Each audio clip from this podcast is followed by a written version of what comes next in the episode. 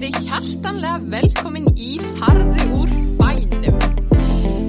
Þessi þáttur er tekin upp eins og allir aðrir í podcaststudiói Akureyrar og er þar af leiðandi í bóði bæði X-Mist og Múlabergs. En ég kom með sangallan heiðurskjast, hann er Guðrunu Sólei, velkomin. Takk fyrir. Hvernig er það á Akureyri? Það er ógíslega gaman. Er það ekki? Jú, mér finnst þetta áslegt. Ég kem inn það svolítið oft sem betur fer og hérna, Já, þetta er indislega bær. Það er eitthvað svo útrúlega margt að gera og góður andi og fallegt umhverfi og allt sem ég sækist eftir þannig að ég, hér líður mér vel. Þótt Já. að sé að á túristi svo sem.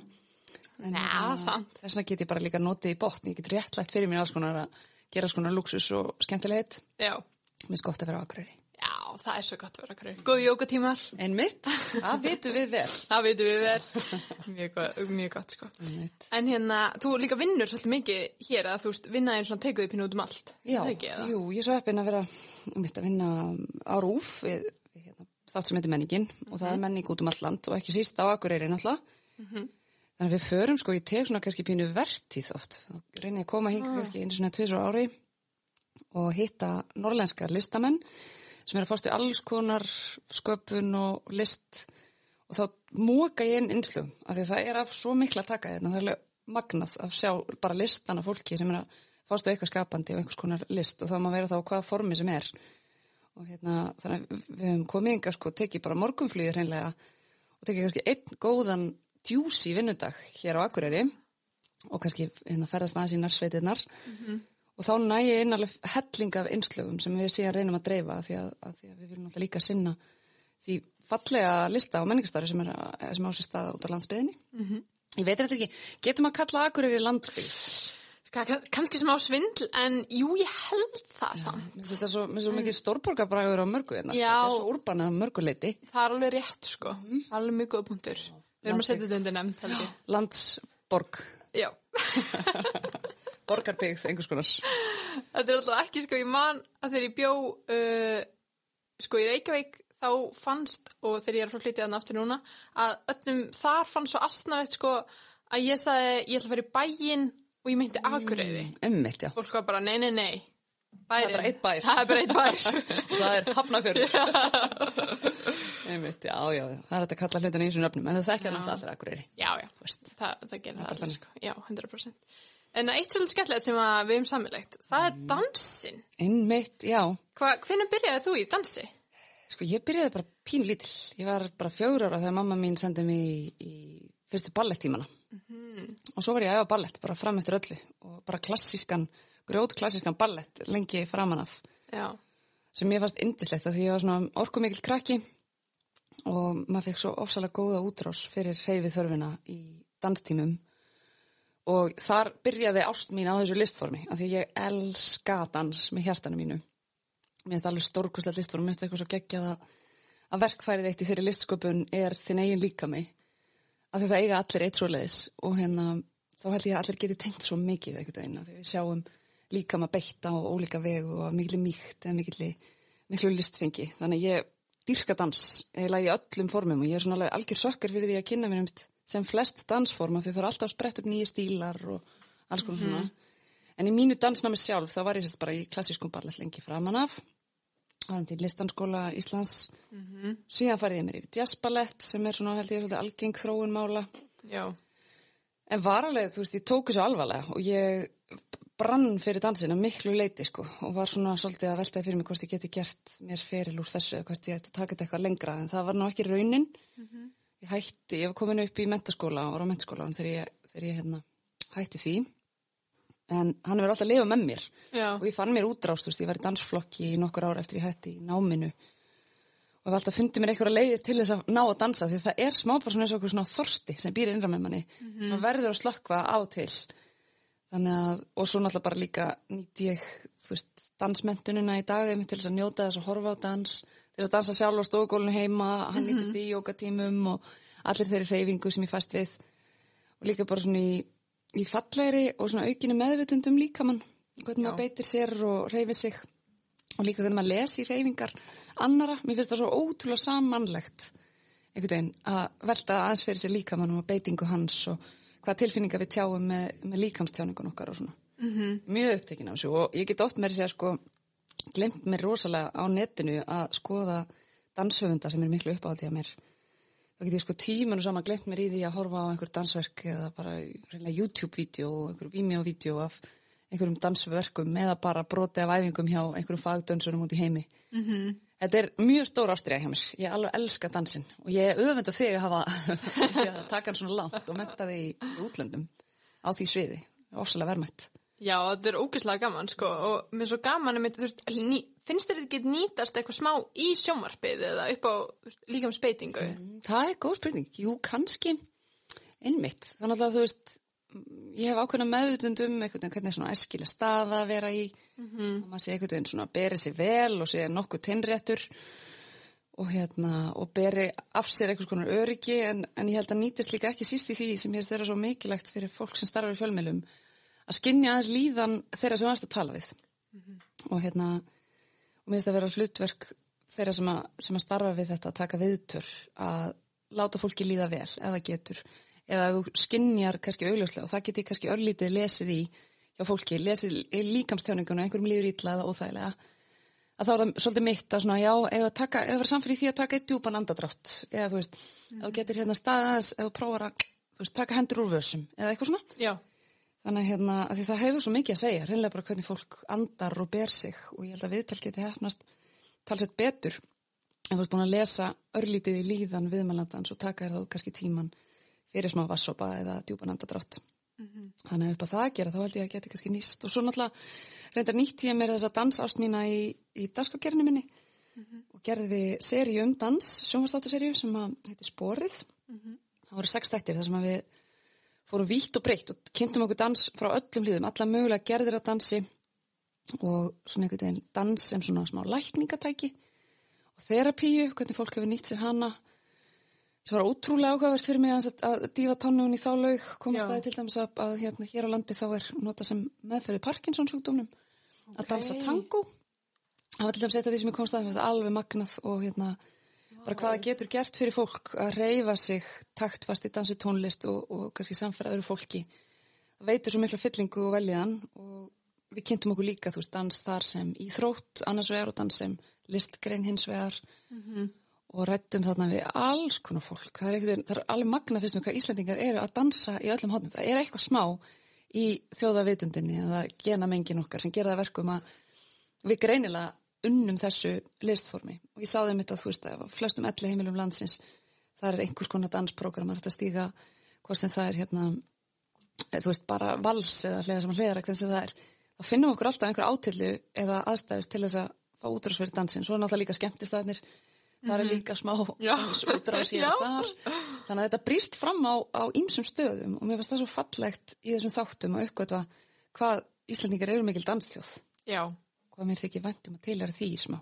Já, algjörlega, þetta er svo góða punktur og mér finnst þetta bara svo fallegt eins og þú talar um bara hvað í rauninni allir elska dans mm. og það er sko ekkit betra í stundum með svona opna tíma og maður fæst um skilabæð frá skengurinn sem dansaði einu sinni eða hefur alltaf langað til að prófa bara svona, má ég koma? Ég er bara, já, Vertu please velkomin, velkomin það er ofta svona miskilningar og þurfa að vera eitthvað góður eða eitthvað sem finnast þú vera góður til að mæti tíma, bara, vá alls ekki, ég er svo samanlega það er bara, svo fattar þetta bara að dansa. Akkurat, að sleppa aðeins af þessu beislinu. Það sé svo mikið það sem við erum mörg að leitast eftir og kannski flest reynlega leitast eftir einhverju leið til þess að fá smá frí frá hversteginum og þú veist, amstrinu og helsinu og öllu því sem einhvern veginn, öllu áreitinu sem að bindur okkur í hverstaslífinu að fólk er sífælt held ég að leita sér einhvers konar frí eða frelsun frá því. Mm -hmm. hvort sem er, þú veist, að þú veist, köld böð eða hugleisla eða hérna, brennivístrykja eða hvað sem það er, þá vorum við alltaf að leita smá held ég að einhverju leið til þess að snippla okkur öllítið út eða gleima stund og stað í smá stund og fyrir mína pasta þá er dansinn eða nákvæmlega það. Ég get glemt öllu, öllum heimsins áhyggjum í þær 50 mínútur eða hvað sem það er sem að danstíminn minn varir eða svo tími sem ég gef mig til að dansa. Mm -hmm. Og þess að, og ég skil samt ekkert eins og vel að því við höfum svo mikla meðvitundum líkamann okkar og það er erft að beitunum og við verðum svona kannski hýpermeðvitu þegar við erum að dansa allir sem fylgjast með okkur eða dæma. En um leiðum manni tekst einhvern veginn að varpa því af sér og fara að reyfa sig alveg óheflað, þá held ég komist eða ekki betri lækningu. Nei, betri núitundaræfingu eða hva, hvað sem maður kalla það sko. mm -hmm. Samanlega líka, að þú ert í tíma, það er einhvern veginn svo margt að hugsa um, þú hefur eiginlega ekki tíma til að vera eitthvað að pæla í einhverju öðru, sko. Nákvæmlega, það er kannski akkurat máli. Mm -hmm. Ert að samhefa ímislegt og kannski gera eitthvað stökk eða ringi eitthvað sem það er. Mm -hmm. Þá var ekki tími til að hugsa um reikningana sem er heima eða mati sem það er eldi kvöld eða rusli sem það er að fara út með. Er er. Það vartu bara að missa völlu, sko. Akkurat, hvað, hérna, hvað var svona til þess að þú ákast að hætta?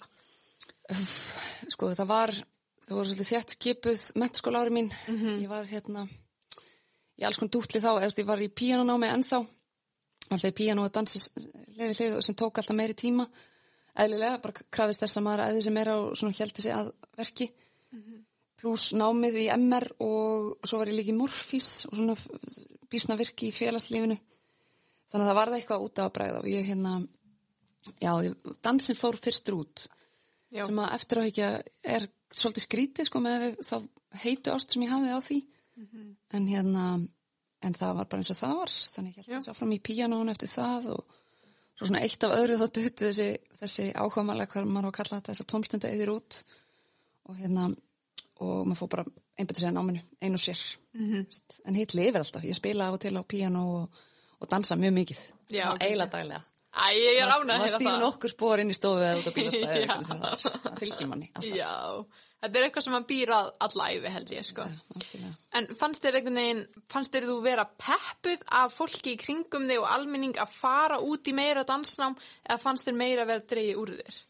Hmm. Þegar við tölum um svona atvinnum, sko. Já, góð pæling. Ég tók það að vísu aldrei svo langt í rauninni. Þú veist, ég, ég þorði aldrei að segja upphátt ef ég var eitthvað svona hugsanlega að velta fyrir mér að þetta geti verið eitthvað en, mm -hmm. en hérna ég hugsa ég hefði nú bara verið kvöttið á það í því þú veist, ég var eintislega fóreldra sem hafa alltaf, eða, veist, það var reynda pínu óþólandi hvað þau voru ekki að stýra mér í eina áttverkar en aðra Aha. ef þau gerðu það, þá gerðu það mjög limskulega, þú mm -hmm.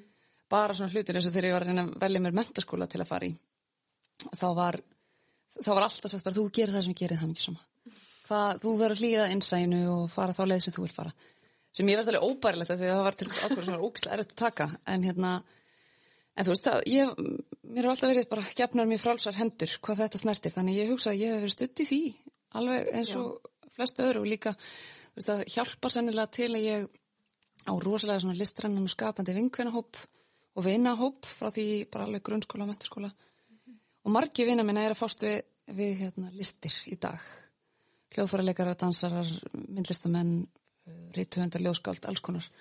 Ég er svo heppin að vera umkringt svo ótrúlega skapandi fólki. Þannig að þú veist, það hefði aldrei verið eitthvað, eitthvað rosalega uppreist neðar mikið að fara á móti strömmnum að velja sér veist, einhverja listgrein til þess að stunda á einhver svona atvinnu stígi. En, mm. en það fór ekki þannig. Nei, aldrei á sig. Non-listir. Tengist aðeins þá. Já, já, já, svo sannarlega og mér finnst ég dvelja í skapandi andurslofti alla daga. Já, það ekki. Alltaf fá einblástur og alls konar list beint í æð, sko. Mm -hmm. Það var svona þetta. Akkurat. Hvernig finnst þér, þú veist bara eins og Íslandi, minnst forveitnilegt að vita eins og þú gerðir þessa sériu og svona, hvernig finnst þér viðþórf almennings vera til dans og svona atvinnudans á Íslandi? Góð spurning, sko ég held nefnilega því miður að sumum finnist til dæmis nútímadans vera svolítið fráhrindandi. Mm -hmm. Við erum sjá fyrir sér fólk sem er að þrykja sér utan í veggi og orga og velta sér um á gólfinu. Já, já, já, tengir lítið við þetta. Finnst þið það aðeins of svona einhvern veginn avantgard og fríkað fyrir sig. Mm -hmm. Sem ég finnst svo leiðilegt að því að ég held að ef fólk myndi bara kynna sér örlítið það sem er að gerast í þeirri senu, já. þá myndi það strax tengja og heillast. Og til dæmis að ég reyni hreinlega að missa ekki af neittinu uppfarslu íslenska dansflokksins. Mm -hmm. ég vil sjá allt sem þau gera og þú veist, ég bara upplifi hvergi af sterkast tilfinningar eins og þar. Þú veist, ég get seti og ég hágrætt eða skelli hlæ eða fæ gæsa húð og fyrild í magan og allan skalan þegar ég horfi á verk hjá íslenska dansflokknum. Svo mjög að mér langar til þess að sem flestir upplifi þetta og, og hérna fá að njóta þess, það er svo yndislegt. Þannig að, einmitt, ég held að það sé kannski eitthvað sem mætti aðeins batna við þór fólk til nútímatans. Það hefur kannski sé eitthvað svona eitt, eitthvað eitt fríkaðan einhver starf og látið það lita alla sína upplifun og allt sitt viðmót til þessa dansforms eða listforms þar eftir. En ég hugsa reyndar, það hefur mikið batnað eftir tilkomu allar þess að sjónastafta, það er að segja raunverulega, so you think you can dance og mm -hmm. allir geta dansa og allt þetta Því þar eru teknir mismandi stílar. Já, einmitt. Ég hugsa einhvern veginn að augu almennings hafi svolítið opnast fyrir því þar. Og ég hugsa, er svona eins og ég skinni þetta, þá voru oft sko nútímadansatriðin þau sem að fengu mesta, svona, flest stígin eða best, einhverju besta móttökur.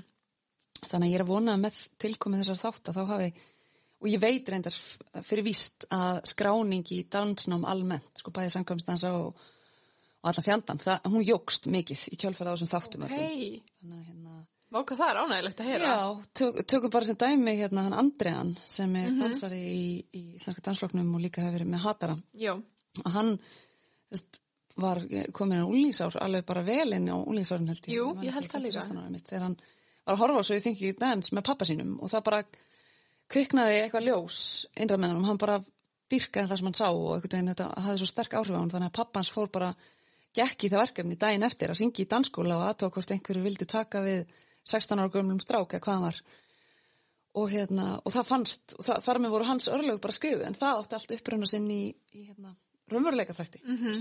þannig að það sýnir svolítið hvað þetta getur haft fallega áhrif þetta er mjög góða punktur sko, líka bara eins og með tónlist, veist, hún er út um allt. Maður heyrir hann í útvarpina svo mikið af tónleikum og svona og, fólk, almenningur, kann svo mikið auðvita og skiljanlega að meta tónlist og það vita allir svona sinn smekk.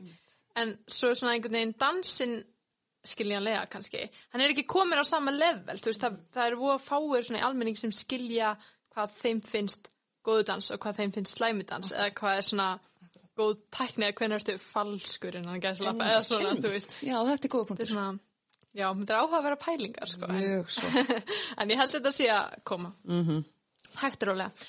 En hvernig byrjar í fjölmiðlum? Hvernig úrskapaðist það? Mitt, ég mitt, hvernig flæktist ég út í það rugl um, hvernig enda ég út í þeim skoriði uh, það er góð spurning ég svona einhvern veginn hef alltaf haft gaman að því að skrifa og, og mikið svona íslensku mannskja uh, hef ofsalega áhuga á tungumálum almennt ég er alveg svona svolítið mikið heilluð á mismandi tungumálum og nótkum þeirra og einhvern veginn alls konar svona nördaskap í tengslu við það allt saman. Og tungumála námið er alltaf sóst mér vel og þannig að ég hugsa að það sé svona kannski mögulega einhvers konar skýring eða svona byrjunarpunkturinn á því að ég álpaðist í þessa átt. Um, ég fór í bókmyndafræði í Háskóla Íslands sem var dásamlegt nám alveg ótrúlega áhugavert og skemmtlegt en það er kannski ekki það hagnýtasta þú veist, en hérna en já, þar var ég bara að byrja að skrifa, ég byrja að skrifa rosa mikið og svona ritað mál hefur alltaf leiðið ágætlega fyrir mér. Og ég varð metnaði full snemma í því að reyna einhvern veginn að koma texta bærilega frá mér. Og svo var allur gangur á því hvernig það gekk. En hérna ég vildi sífælt bæta mig og náttúrulega Morfís hjálpa svolítið til við það. Skrifa ræður og, og flytja texta og svona kanna svolítið hvernig mismunandi texti verkar á fólk. Og hérna og þá kviknaði draumurinn um að vera blaðamaður. Og, eða þá, neða, reyndar hafa hann kviknaði aðeins fyrr ég, ég sá þá starfskæn alltaf alveg í hyllingum ég hafði það ofsalega heillandi starf.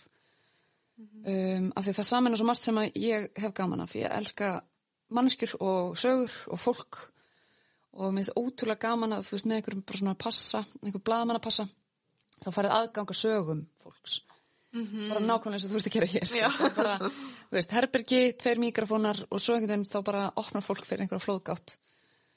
Og mér finnst það svo mikil forréttindi og mér finnst það svo gaman og lærdómsríkt og þroskandi og fjölbreytt og augrandi þannig að, já þannig að það held ég að hafi kannski verið svona upp að því að ég fór bara sækjum starf sem blaðamaður, sóttum starf e, sem blaðamaður á mokkanum og fekk það og vann þar í tvö, þrjú ár.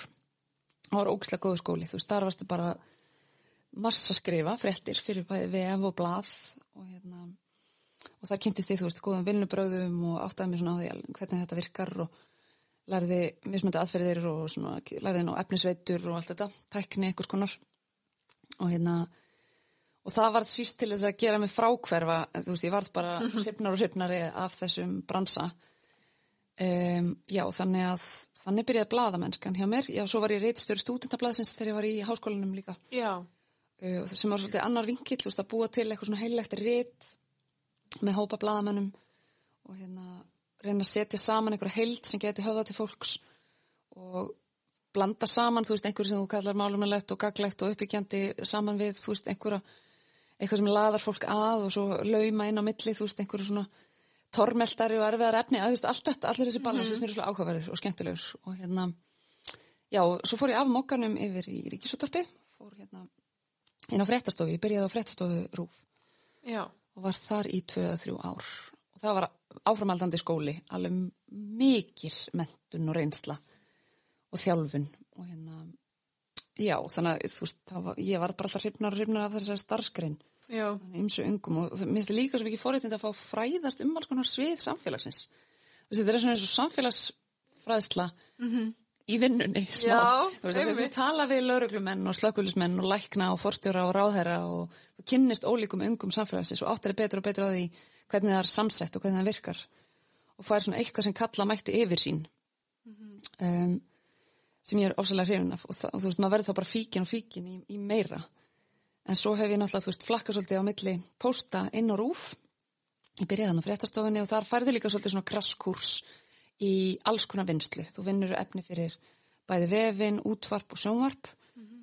Þú lærir að grófklippa sjálfur, þú veist, operera þig sjálfa í stúdiói, fara út á vettfang og allt sem því fylgir. Þannig að þú veist, það er svakalegu skóli um þetta í alls konar fjölmiðlun. Já sem var rosalega gaglegur og góður og hérna nýtist mér um eitt eili flestu sem ég geri á rúf og af fréttastofunni fór ég svo yfir í útvarp og var hérna í morgunútvarpin á Rást 2 Já. í einhver ár var, var fyrst með Óðni Jónssoni og Rafnild Haldarsdóttur á samtengdum rásum og svo byrja ég með hérna, morgunútvarpi á Rást 2 með Sigmari Guðmundsson og Simma. Okkar allra besti pólitíkus orðin. Stjórnmálamæður núna. Já. og það var, var eindilega tími, gaman að vinna með Simma og morgunútvarpi var líka mjög hræsandi og hérna du, du, du, það fór ég svo yfir í menninguna sem ég er í Já, núna. akkurat, er fílaði því bótt þar. Já, eindislegt Já, en þar er ég mitt að, að fást við, þú veist, svolítið önnur efnistöku en ég var að gera í fréttamennskunni eða svona samfélagsumfjöllun eins og var líka í morgunútvarpinu mm -hmm. það er þetta fást við alls konar mál, málminn líðandi stundar bara og pólitík og hagsmunamál og svo leiðis nokkuð en í menningunni þá er ég bara að fást við menningu þótt að það sé ógesla vitt hugtak -hmm. en hérna en þar fæ ég einbeta mér sérst að, að því efni sem er náttúrulega brjála þesslega fórættindi og ógesla gaman mhm, ég þreytist ekki á að, að hérna, minna mig á hvað ég er heppin og þakklátt að vera í því stúrsi sko. já, það er æðislegt sko Mhm. Hvað, Ertu bara alltaf á tánum með bara allt menningalegt á Íslandi eða ertu alltaf að fá beðnir inn eða Já, það er nefnilega svo fallegt sko, því að þegar einhvern veginn einu sinni erum komin í kannski einhverjum almanna vitund eða hvað sem maður kallar það, Já, að fólk sér þáttin að hér er einhvern svona póstur sem fellar um menningu. Þá verður mörgum hugsa til okkar þegar þeir eru að setja upp síningu eða halda tónleika eða hvernig sem það er. En við fáum ógrinni af ábendingum í gegnum alla meðla, tölupost og símtöl og messenger og Instagram og hvað eina. Þannig að það er, það er líka svo fallegu mælikvarði á hvað það er margt skapandi að gerast á Íslandi. Er bara hreinlega magnið af ábendingum sem við fáum. Þannig að okkar vandi hefur aldrei verið sá einhvern veginn að finna efni heldur meira bara svona að þú veist velja úr og velja skynnsamlega úr af því við þurfum að sinna með öllum landslutum, aldursflokkum, listgreinum, kynjum allt þetta, það verður að vera náttúrulega lögum samkvæmt, jafnvægi þessu og jafnbretti, jafnbræði þannig að hérna einmitt, það, það hefur frekar það er algjört luxusvandamál já, en það sést aldrei hörgull á efni í þáttinn. Þú veist, við getum hæglega held ég að gert sko 40 mínútna þátt á dag. Vá, veist, úr ok. öllu, öllu því efni, góða efni sem til staðar. Þannig að það er dásanlegt það er indislegt Eru þið alltaf í tökum á hverjum virkum degi eða? uh, Nei, við höfum svona reyndað svona aðeins að raða vinslunni þannig að við tökum kannski bara einn, einn og hálfan tökudag, svona stífa daga þar sem við bara hoppum frá einum tökustag í annan og sinnum verkefni þannig og svo restina vikunni erum við að vinna úr því efni. Já, klippa það og, og fullvinna og gera skýslur og koma þessi í loftið og hérna, þá líka veist, bóka og skipulegja tökur framtíðarinnar. já, já, já. En hún er svolítið skipt þessi vinna og það er líka svolítið skemmtilegt við hana, þú veist, maður er einhvern veginn, þú veist, ímest út á vettvangi að tala við fólki með fólks í miklum hasar og hröðu tempói eða þú veist, uh, læstur inn í einhver svona myrkvuðum klippibunkar, þú veist, klukkutímur saman að- klippa efni og gera það, gera það og græja fyrir sjónvarp sem er svolítið skemmtilegar andstæður bara, sem ég kann að meta, sko. Einmitt. Það er gott að hafa fjölbreytni í þessu. Það er mjög jákvæmt sko. En eins og núna ertu, þú veist, mikið af því sem þú ert að gera eins og varandi sjómarp og fjölmiðla og skrifa bókina og allt svona. Er svona svolítið að koma þér sjálfri á framfæri, það er svona, þú þarft pínu að gera það í tengslum við verkefnið þín. Er, er, það, er ég að, er skilja mig? Já, Sko, hvernig hefur það áhrif á þig? Finnst þér það alltaf bara ekkert mál eða færið einhver tíman svona uh, langar ekki að auglýsa mig núna já, ég tengdi mjög mikið allavega við þetta hljóð sem þetta kallar. Mér finnst þetta að vera tilfinning sem er mjög ábyrðandi í lífi. Nei, að það er alveg málið, sko. Ég, ég er þeirra skoðunar að eða, veist, ég ætla ekki að segja fjölmiðla fólk, ég vil alltaf minni fjölmiðlun og dagskagerð síður setja mig í einhverja framlínu. Veist, mi- ég er bara gjallarhortn, ég er bara mm miðluna tæki fyrir flott verkefni sem fólk er að gera. -hmm.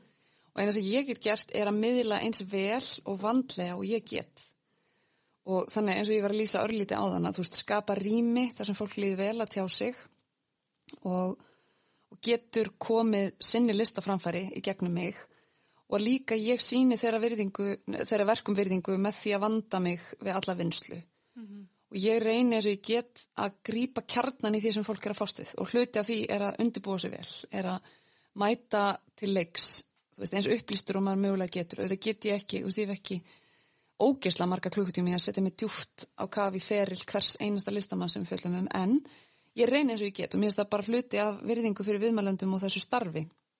Að lesa mér aðeins til um og kynna með málin áðurinn í mætasvæðið mæta ekki köld einhvern veginn til, til leiks um, þannig að já þessu svara spurningunni þá er sem sagt, mér finnst ég á ekki að vera og er ekki á neitt nátt eitthvað aðalatri í þessu öll saman. Nei, ég mitt en hérna, en þú veist, staðrindinu þetta svo að þú veist, fjölmiðla fólk verður svona einhverjar personur og verður einhverjar fígurur í, í landslægi en ég held að það sem meira bundi við fjölmiðla fólk sem er í störfum að öðrum toga en ég er að fást við. Uh, ég sinni miklu meira svona einhverju sem heitir þú veist, kalla mætti bara fréttamennsku eða svona miðlun en því er auðvitað öðru í sér farið með þú veist, svona umsjónamenn þáttar sem eru í mynd um, þú veist stærstan part af tímanum og svoleiðis þú veist, en mér fellur betur að vera bara kannski ekki í mynd eða eins lítið og ég, ég kemst upp með. En hérna jú, svo er auðvitað, þú veist, ég gaf út bók maturslu bók og hérna og ge- gerir svona ýmslegt, þú veist, jú, ég var með þessa þáttaröð mína eigin og eitthvað svona sem að kannski, jú, fylgir því að einn eða tveir að núti af einhvers konar meðvutund um hver ég er. Þú veist að það fennir vonandi bara fljótt yfir það. Það er allavega alls ekki allra síst einhvers konar kvati hjá mér. Eða, eða mótor. Mér finnst það, það pínu bagalegt sko. Þú vilt helst vera bara sem minnst. Já, en mér finnst það svona já, mér finnst bara svolítið skrítið. Mér finnst það svo skakkur fókus ef að, ef að sko manneski sem tekur viðtalið er orðin að eitthvað aðalatriði. Mm -hmm. af því að hún á bara að vera manneski sem að auðveldar frásögnina og knýr hana áfram að einhverju leiti en hérna en þú veist, svo er þetta bara ótrúlega þú veist, svo sumt fólk er bara unaslegt fyrir framann myndavill og þú veist, eins og margir af, fjölmjölamönnum Íslands og konum þetta er góða fólk sem starfar í framlínu og er áberandi og eru bara vinir þjóðarinnar, skilur, og eru bara einhvern veginn vingjallega andlit sem hafa veitt fólki félagskap og fræðslu í gegnum árin. Auðvitað skilji það svo vel að, að þú veist, þetta séu fígurur sem eru elskaðar og hérna þannig að þú veist, þetta er bara svona svolítið eðlis ólíkt, þú veist, ertu, ertu þú veist, hvernig fólk staðsetur í rauninni sig sjálft í störfunum sínum. Þú veist, þannig að hérna það er allir gangur á því. En þú veist, mér líður ekkit eitthvað svona æðislega vel í svakalegu spotlighti, þú veist, með ljós skínandi á mér og linsu fyrir fram mig. En hérna, en ekkit illa heldur svo sem, þú veist, ég Nei. er bara svona að reyna að spila þetta eftir eiranu og innri samfæringu og, og innsægi Er það þá meira eitthvað sem er svona að það bara komist í gegnum þetta að gera þetta Ég reyndar þetta, þú veist, mér líður það vel í vinnunni og mér fellur þessi vinna það vel ég, hérna, þú veist, þetta er aldrei kvöð Nei. og hérna, þetta er alltaf bara forréttindi og mér þykir líka bara ógísla vænt um það þú veist, það, það kvarlar ekki aðmynd til þess að, að líta það sem eitthvað angur þegar einhver ber kjenslamann Nei, og mér þykir einmitt svo ótrúlega um það þegar fólk vindur sér upp á manni og kannski þakka manni fyrir þættina eða, eða hérna eða einmitt, þú veist, bara kona sem ég hitt í kringlunum daginn, endislega sem bara kallaði mig vinkonu sína, ég hef nú verið vinkonennar um árabil. Og mér þykir bara ótrúlega vænt um þetta því þetta sýnir að það er einhver að horfa og það er einhver að taka við því sem maður er að búa til alla daga. Þess að það að vera svona dagskakera maður er svolítið fyndi starfa því leitinu til að þú veist alltaf einhvern veginn þú veist, þú ert að miljón frá máttundi kvölds alla daga við að búa til einhvers konar efni sem þú síðan mókar út í lofti og vonar svo bara það besta veist, þú, veist aldrei almennilega hverjir er að horfa eða hlusta eða hvaða áhrif þetta hefur á fólk. Þannig að mér þykir ég alltaf svo ógisla væntum það þegar við fáum einhvers konar viðbröð og ég meina oft er það, þú veist bara hvað er þessi hérna illa máli farna skonsa að hérna tróða sér í sjónvarp skilja, það er svona ímyndilegt tekið og þetta maður fengi alls konar gaggrinni í gegn tíðina. Og hérna og einmitt það bara fylgir þessu starfi að það er fjallað um þig að einhverju liti ef fólk hefur skoðun á þér og maður verður þá líka bara að hafa bein í nefn til að taka því. Og líka vera ekki nóg fastur í sér einhvern veginn eða einhvers konar egoi til þess að þú getur ekki tekið gaggrinni og reynda að bæta þig. Sem ég hef einmitt reynd að gera. Og það er mitt sérstaklega og það, það er líka annað varandi í íslenskunum er svo gaman hvað fólk hefur sterkar skoðun á málfaranum hans og því tungumál sem maður talar.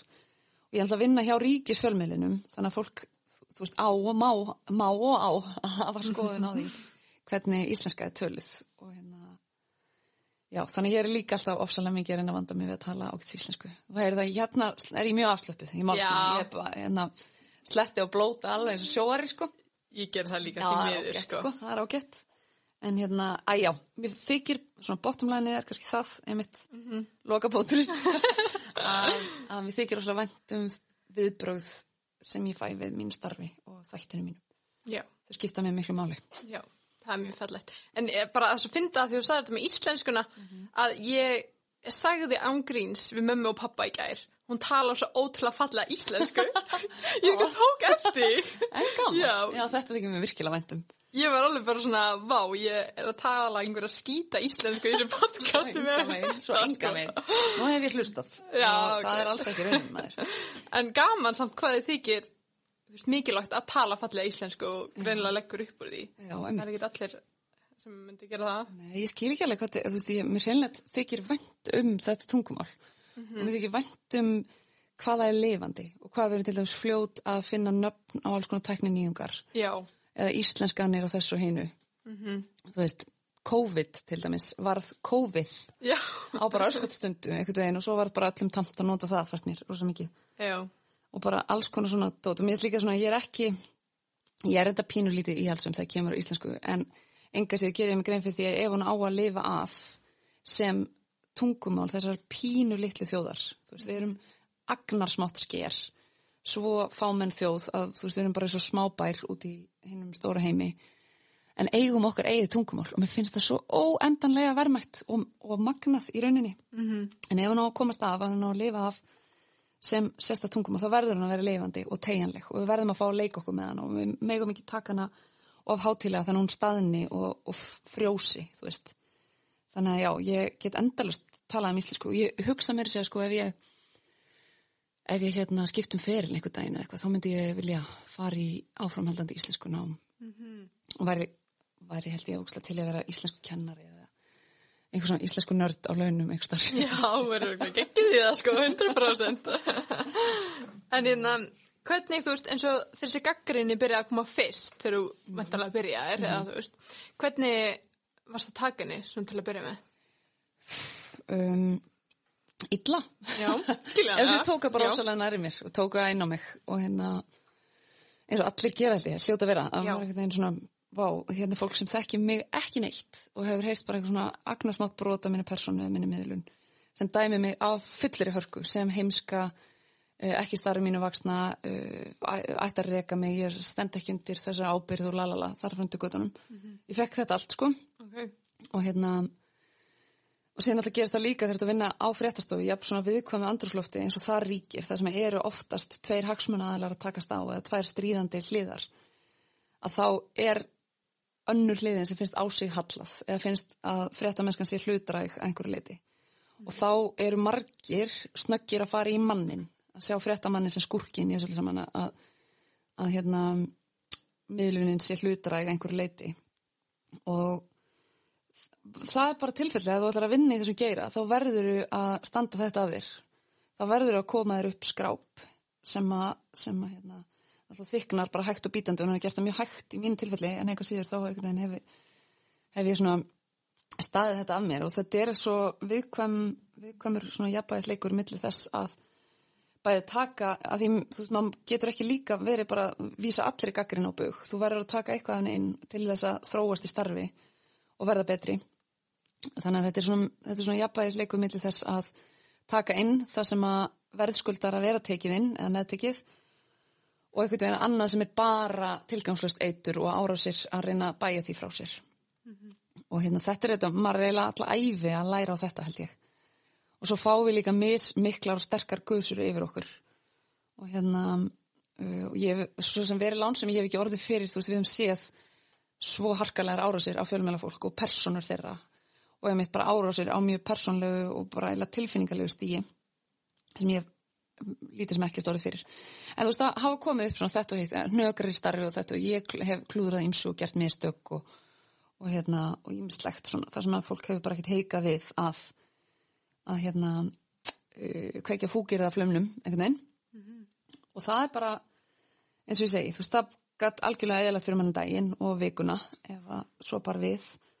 En síðan bara einhvern veginn áttum að segja á því þú veist, jú, ok, það fólk hafi skoðun á því sem það átt að gera, þýðir að þetta skiptir fólk máli að er, þeim er ekki sama og það er svona í lók dagsins alltaf kannski veist, einhver árangur mældur í því, af því ef fólki væri skýtsama en myndi bara skipt um stöð eða slakka á þér þá væri þau ekki að fá þessu umfyllun þessi gaggrinn, þessi viðbröð þannig að það er svona kannski svona síðasta verkfæri í til þess að grípi er svolítið það, ok, þú veist það kannski verið að drulli við þig en það þýðir að fólki er ekki alveg sama.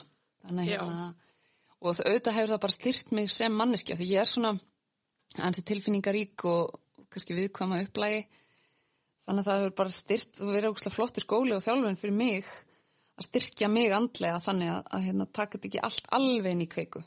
Þú veist, kunna líka aðeins að verja mig og setja okkur mörg og múra þegar á þarf að halda þú veist. Ertu orðin góð í því að taka hluti ekki inn á þig persónulega? ég, ég, samt, mér langar bara að segja nei. Þú veist að því að svo er maður manneskja og maður, þú veist, upplega það reglulega að taka eitthvað inn á sig, að taka eitthvað nærri sér. Já. þú veist, en hérna en jú, ég er víst, ég ætla bara að segja það fyrir sjálf ég er víst komið með þjálfun í því. Já, já. og hérna hef rosa mikið lært að býta í axlinn, bera höfuðhátt brettu bermar, láta svo ekkert sé láta eins og vindu meiri þjóta, allt þetta. Allar, þetta er bara hálfgerða möndrur hjá mér þegar ég líka segir rosa mikið, water off a duck's back mér finnst það eitthvað svo lýsandi Aha. og skemmtilegt að maður sé bara svona eins og teflon panna Já.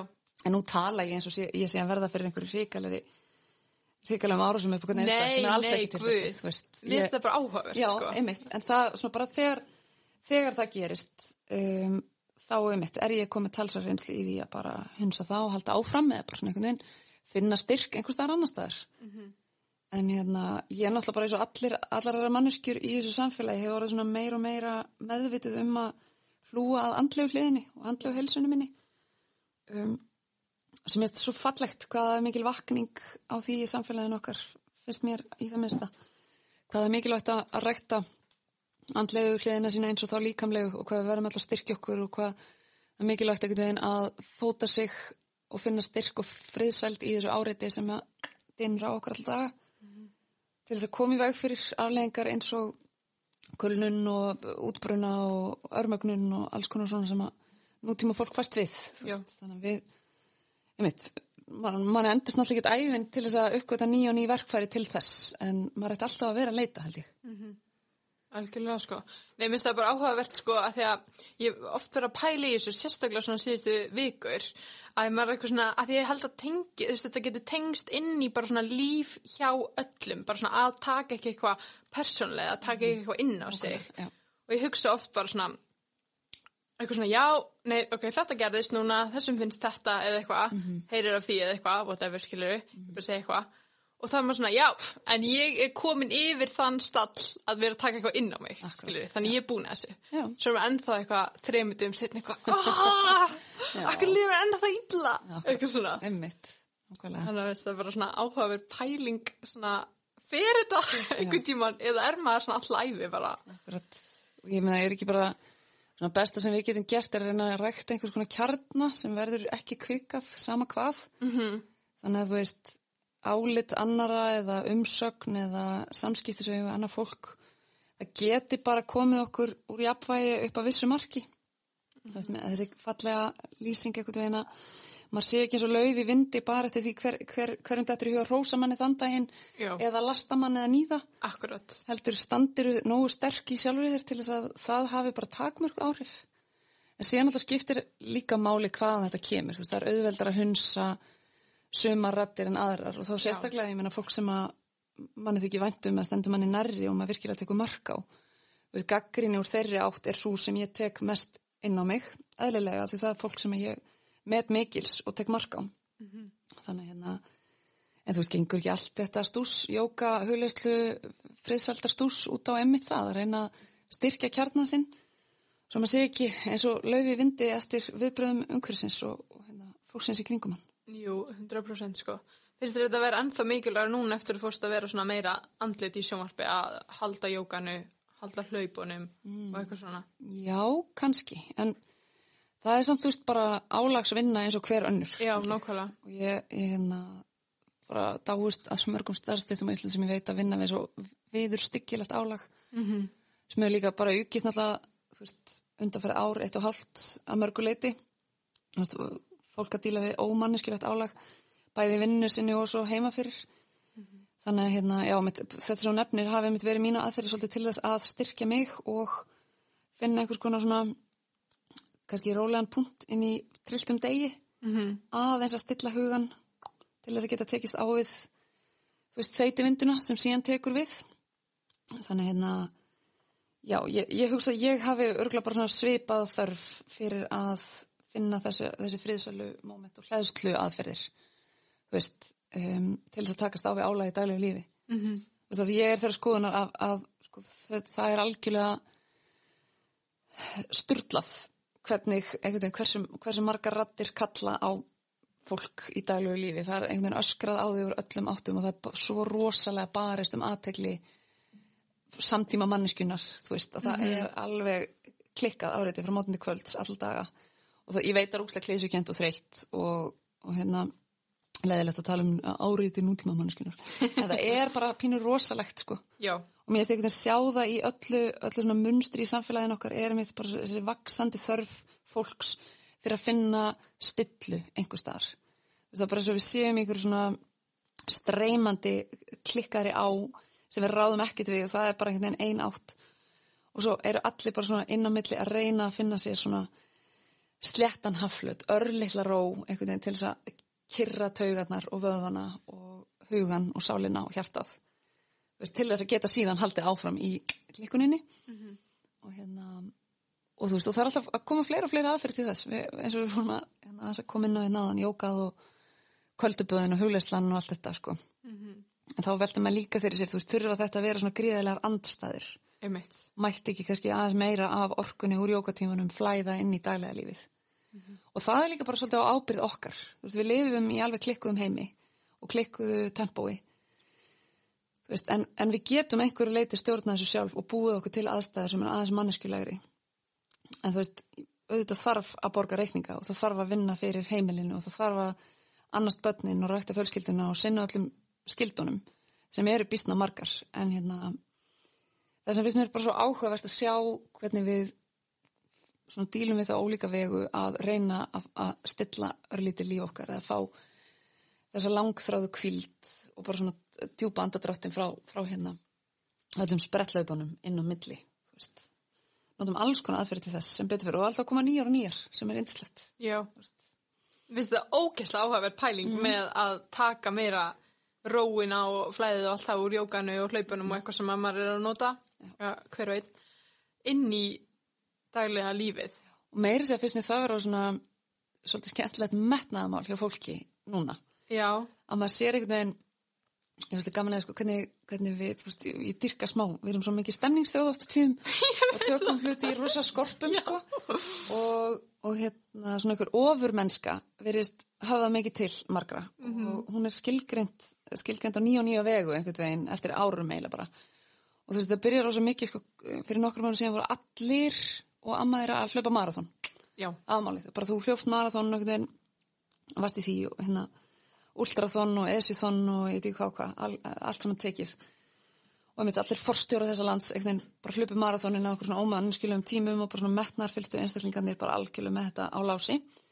Síðan einhvern veginn færði allir yfir í hjólin og þá var það síklóþon þú veist og hérna allir á svona geggjöðum titanium hjólum þú veist að fara þrjá hringi kringum Ísland og var bara alveg dásanlegt og sí- síðan er ímislegt sko tekið í milltíðin svo, svo fór allir að kæla.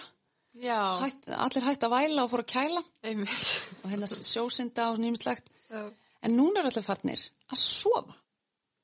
Það er á nýja sportið sko. Ok. og hérna þessi Why We Sleep bók sem, að, sem að hefur haft mikil áhrif sem betur fyrir fólk. Og fólk í svona æríkri mæli að gera sér grein fyrir því hversu mikilvægur svefn er. Bara fyrir allt, fyrir bara viðhalda æsku og skýrri hugsun og aðtegli og allt þetta. Þá er hann lífsnöðsynlegur þannig að nú í staðan fyrir að deila sko marathontímum eða síklóthontímum þá deilir fólki sko, ég náði, ég náði tíu tímum í nótt. Ég náði níu tímum í nótt. Og það er á nýja svona kapsmálið sem ég er rosalega gott. Ég held að það sé jákvæðasta mál. Af því að þú veist að þótti lengi vel einhvern veginn digðugt að vera þesslega hellaður og vera að keira á litlum Einmitt. það, það var merkjum dugnað og einhvern veginn svona, sjálfs, svona aðdána að vera sjálfsbendingakvöld Akkurat. að geta keirt á fimm tíma svefni einhvern veginn. En það endar aldrei vel. Ég held að þú veist, það endeila bara alltaf undarþengalöst út í skurði í einhverju skilningi. Þannig ég held að þessi meðutundum svefnin sé flott og ef við, ef við þurfum sko einhvers konar keppnishugarfar til að nálgast það og bæta svefn, þá er það bara dásanlegt þú veist, þá er það það sem til þurfti. Já. Og, hérna, og mér finnst það fallegt að einhvern veginn við kaffivélina í vinnunni það sem fólk einhvern veginn að keppast að sína svefnskýrslutnar úr heilsu úrunu sínu Ok. bara hver náði dýfsta svefninum og lengst það er nýja afreikið sko. og það er afreik sem ég kann að. Virkilega, sko. Það er mjög flott það er geggja, sko. mjög skemmtileg þróun Já, ég, hérna, ég þarf að vera keppast í greinlega. já, ég þarf líka nefnilega að gera það með hans með svefnin og ég held að öllum líði þannig veist, ég held að segja, rosa fáir að núti sem er eitthvað, já, minn svefn er gjörsanlega upp á tíu Einmitt. en hérna, það verður svona eiliðamál að bæta svefnin held ég. Já, algjörlega, sko. Ég hugsa alltaf til þess hérna, ég var einu sinni í sambandi við sko vinnuna og, og svona erfileikan sem fylgja svona hverju starfi sko, að ég var einu sinni með kennara frá, þetta var út í bandaríkjanum, hann var frá bandaríkjanum, hann sagði hérna, krakkar, þið er ekki einu sinni með erfitt starf, hugsið um sko hjartaskurlækrin sem býr fyrir ofa mig, hann er með erfitt starf, ef hann gerir feil, Einmitt. þá deyr einhver. Akkúrat. Ef þú gerir feil, veist, kannski bad review eða eitthvað. Þetta er bara eitthvað svona, svo einfalt en stundum hugsaði til þess að ég er eitthvað, "Úff, ok, Já. þetta er easy. Skiptir ekki neinu máli. Já. Ágætis áminning. Mm Hvernig er svona, svona leiðilegt svona stundum að í svona COVID kannski að tala um framtíðina en þú veist, finnst þér þú vera bara í draumastarfinu, ertu eitthvað, ertu með einhver svona, ertu svona draumóra manneskja eða ertu bara sátt? Sko, einmitt. Það er líka annað svona, kannski viðtekna hugarfar samtíma sér svolítið mikið að þú ert alltaf að stefna herra og lengra. Akkurát. Og, hérna, og alltaf, en þú veist, tilfelli hjá mér er óvast bara það að ég er alveg rosalega sátt í því sem ég er að fástu núna. Mér finnst það ótrúlega skemmtileg vinna og allt það sem ég er að leitast eftir í vinnunni minni þú veist, það er að ég, reyna, ég fá einhverja fyllingu og einhver tilgang. Og kannski líka, þú veist, svo rosalega bónus að fá að vera fastu fjölbreytt verkefni og vera að vinna með skemmtilegu fólki. Af því við verjum svo miklu meiri tíma í vinnunni heldur en nokkuð tíma með fjölskyldunni eða vinunum. Þannig að það er gríðarlega fórhættindi að fá gegna starfi sem að þér finnst skemmtlegt og gefa þér einhverja fyllingu. Og það starf sem ég er í núna er bara að það teikar í öll þessi boks og meira til þannig að hérna og ég bara hjútt að ég elska vinnustæðin minn svo heitt, mér finnst svo gaman að fá að vinna með svona fjölbreyttu karakterrófi, það er svo ógislega flottir og sterkir karakterar upp í eftir leiti sem maður er gaman að spjalla við þú veist, frá mótum til kvölds alla daga og hérna þannig ég er bara sátt, ég er ekkert en ekki ég er ekki með 5, 10, 15 ára plan. Ég er ekki með eitthvað svona ide, skínandi ídeal sem að ég einhvern veginn er að, að lengt og ljósta stefnað Það er æðislegt. Já, það er eiginlega bara þetta, þú veist, að, að vera þakklátt fyrir það sem ég er að gera í dag og sinna því vel. Þannig ég get ekkert veginn, þú veist, lagt höfuð á kottan á kvöldin og hugsa, já, ég, ég get gengið sátt frá borð í dag. Í dag skilaði ég að mér góðu dagsverki. Og hérna, þú veist, þannig að það, já, ég er sátt í því og ég meiri sér að, þú veist, já, mér langar bara að halda þeirri tilfinningu gangandi eins lengi og ég get að fá að vera þakklátt fyrir það sem ég vinn við um, hvað svo sem það verður þú veist, það mun eflaust breytast. Ég er náttúrulega, þetta er ótraustasti starfsvettfangur sem þetta er að ímynda sér. Já. og hérna, þannig að maður veit aldrei. En bara er á meðan er. Og ég, þú veist, líf, það er líka svolítið svona gullið bóður hjá mér að einhvern veginn að finna þakklæti og sátt í, sem fle, á sem flestum sviðum lífsins. Þú veist, af því það er um, allar þessar svona nýjaldar æfingar sem gang út á það að, að hérna, yfka þakklæti og rækta það og finna sífelt einhverja punta, þú veist, hversu shitty sem tilverðan getur orðið. Og auðvitað ámaður glataða daga þar sem það er bara endalust krump og óhöpp og vandræðilegheit og leðindi að þú veist, staldra að- aðeins við og rifi fyrir sér, já, býtu þú átt þakk yfir höfuðu, góða vinn og fjölskyldu þú ert í yndisleiri vinnu, þú er allt til alls þú hefur, þú veist, í því og á. Það er, ég get einhvern veginn, á, á hverju stíði málsins get ég alltaf talið upp cirka þúsund uh, svona þakklæts ástæður. Og ég auðvitað hljóma ég æðislega væmin og ég veit alveg að lífið er ekki alveg svona. Það er, þú veist, miklu einhvern veginn gallara og krumpara en þetta. En enga sigur, þá held ég, ég trúi mikið á þetta að rækta þakklæti. -hmm. af því það er einn af þessum hlutum sem að færir manni ró og frið. Að maður sé ekki alltaf að sækjast eftir einhverju sem að þú hefur ekki ennþá fengið. Eða sé alltaf einhver óuppfyllt þörf innra með þér. Eða grasið sé alltaf grætna hinu með eða einhverjir meiri næs vinnu eða með herri laun eða fari meiri tækifæri veist, ég- þessu reyni ég að bæja frá mér sem ég mögulega get og finna bara djúpa sátt í því sem ég er að fást við hverju sinni Það er mjög, mjög góð pæling og mjög áhör. Hvernig, hvernig gerur það? Hvernig ræktar þakklæti? bara, í rauninni bara svona þetta er Já, ekki flóknar bara tala um það. já, bara, þú Já. veist, hugsa hans, býtið gurli nú þarfst þú aðeins að tekka það í forréttinda kjaftaðinu sem þú ert búin að festa því Mhm. þú veist, þegar ég er einhvern veginn fann að búa mig til einhverjar hugmyndir um þetta og hitt þú veist, þú átta mig á því hvað tilvera mín einkennist af rosalegum forréttindum í kvíðvetna Mhm. þú veist, og ég, og ég meina það sko, þú veist, að eiga þak yfir höfuðið og eiga í sig og á gerir það að verkum að maður er strax komin í einhvern svona ótrúlegan anga þú veist, fólk sem, að, sem býr við öryggi, sjálft séð öryggi og forréttindi þú veist, en svo gleymir maður sér skilur, maður er einhvern veginn að skrolla á Instagram þú veist, endalaust og sjá einhverja stórkuslega hluti sem maður að gera í story og allir er einhvern veginn þú veist, njóta einhver sem þú hefur ekki. -hmm. þannig að þú veist, ég held að eins og ég var að ræða á það eins og rattir sem öskra á þig úr öllum áttum sem að öskra líka á þig þú veist, þín, þitt shit er ekki nóg gott. Þú veist, þú átt ekki þetta, þú átt ekki hitt þú farið ekki að upplifa þetta þú ert ekki stattur á uh, eitthvað, einhverju sólaströnd ég veit ekki hvernig er. Já, það er bara þessi konstant samanbörður sem að þú veist, er stóra áskorun nútíma mannskunar að bæja frá sér og einhvern veginn reyna að kæla. Og búa sér til hans svona eðlilegri viðmið. Þannig að ég bara ger þetta nákvæmlega svona bara kannski þegar ég drekk fyrsta kaffabátan á mótana þá bara ger ég það sem bara svona pínu þraut fyrir sjálfa mig sem tekur bara nokkra sekundur mm, ef núna, þú veist, minnast á fimm atriði sem er þakklátt fyrir, eða tíu atriði. Þú veist, eða bara þannig fyrir að sofa kvöldin. Að þess að bara minna sig á þetta. Mhm.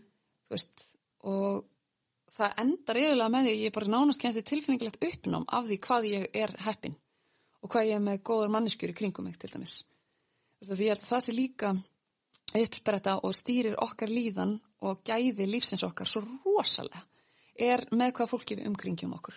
Já. og hva, hvaða, hva- hvers konar orku færir fólk þér að ég held að það sé svo ótrúlega auðvelt að fljóta sofandi að feiðarósi já, svolítið dramatíst en þú veist, ég held að það sé svona rosalega holt fyrir mann að kveikja meðvitund um hverja þú umgengst. Já.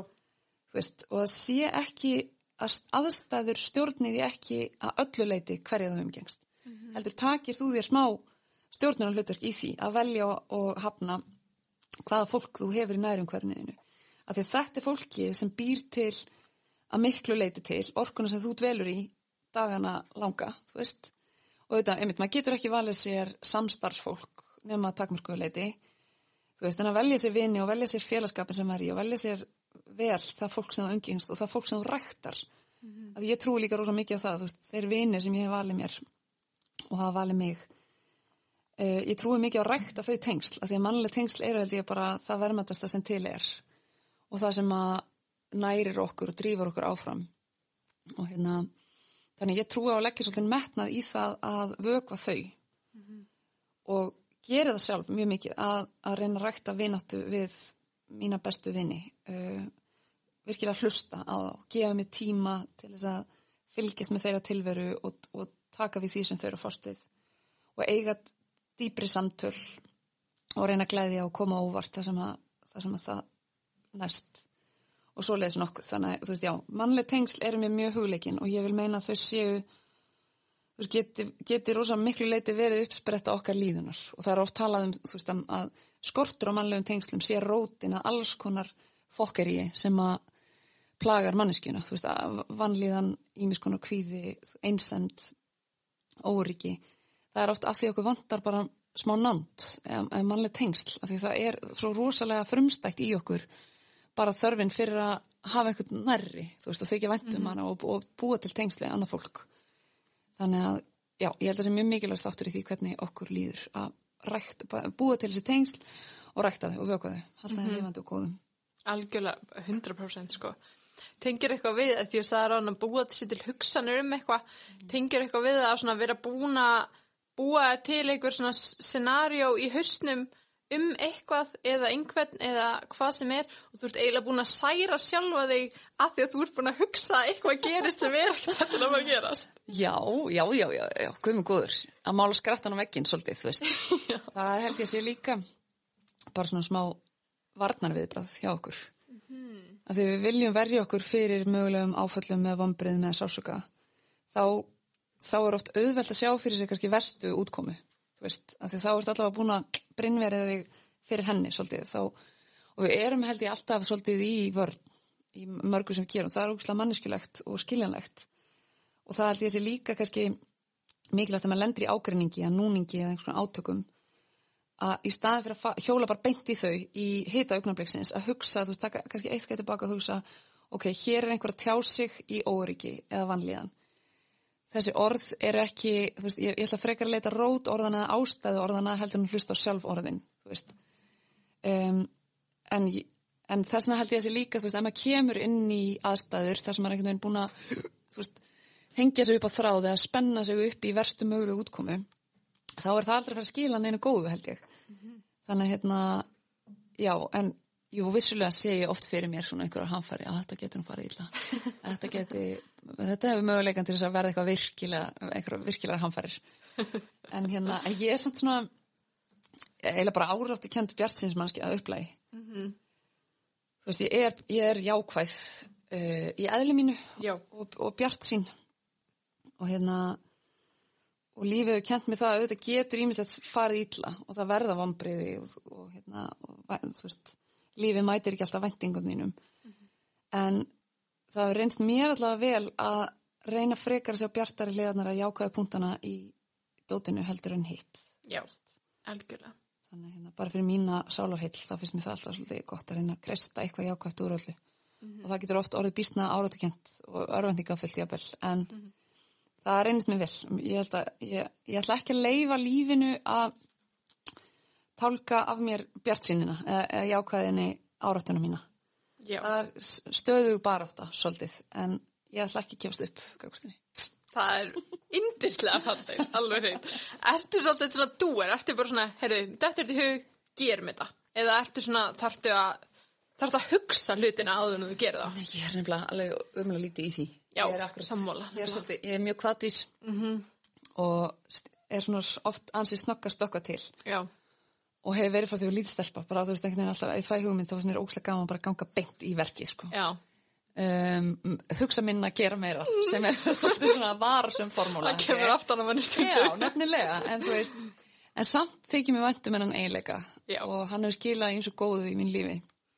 Þannig hérna, og ég er lítið í því að of hugsa hlutina og ég er ógæslega þakklátt fyrir það þú veist, ég hef ekki marga kosti en eh, einn af mínu kostum er þetta akkur þetta ég held að það verður reyndar marga kosti takk maður að tendast þess að ofugsa hlutina ég meira Já. svona kannski bara veist, við út í þá með ofyrirsjánlegum afleðingum sko. mm -hmm. en hérna uh, eins og bara kennir líf manni alls konar svona leksýr eins og akkurat að þú veist það er betra að þeim svo undirbúa sig fyrir viðtöl en að mæta í þau bara einhvern veginn eftir þú fyrst hugmyndinum að taka, taka viðkomandi viðtal mm -hmm.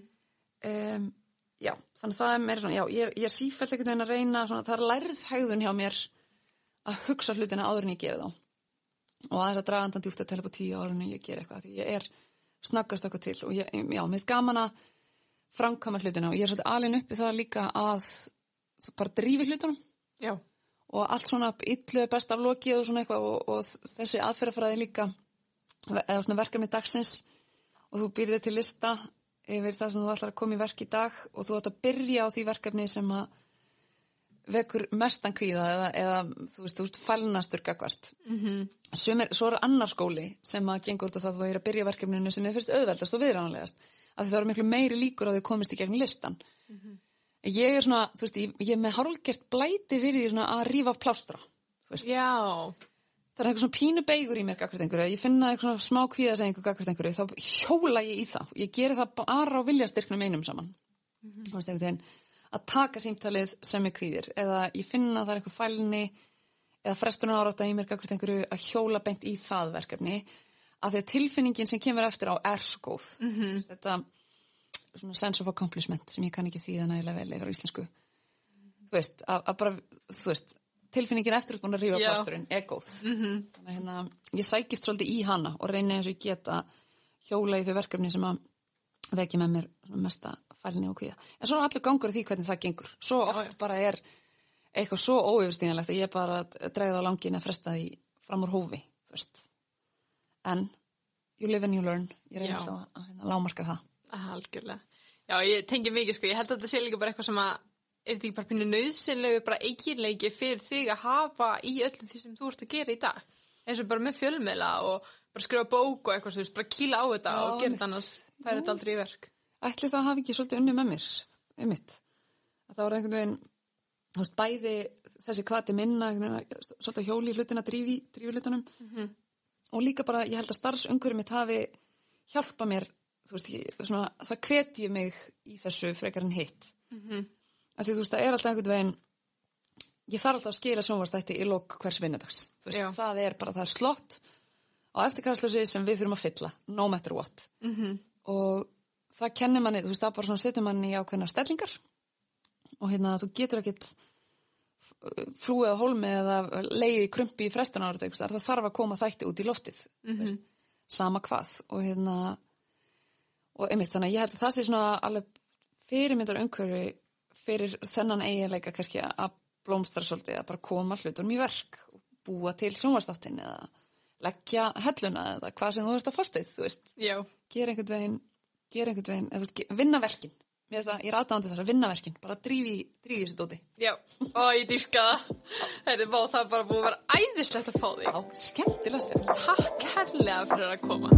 Takk fyrir mig, mín var öll ánægjan Já, okki verða fálega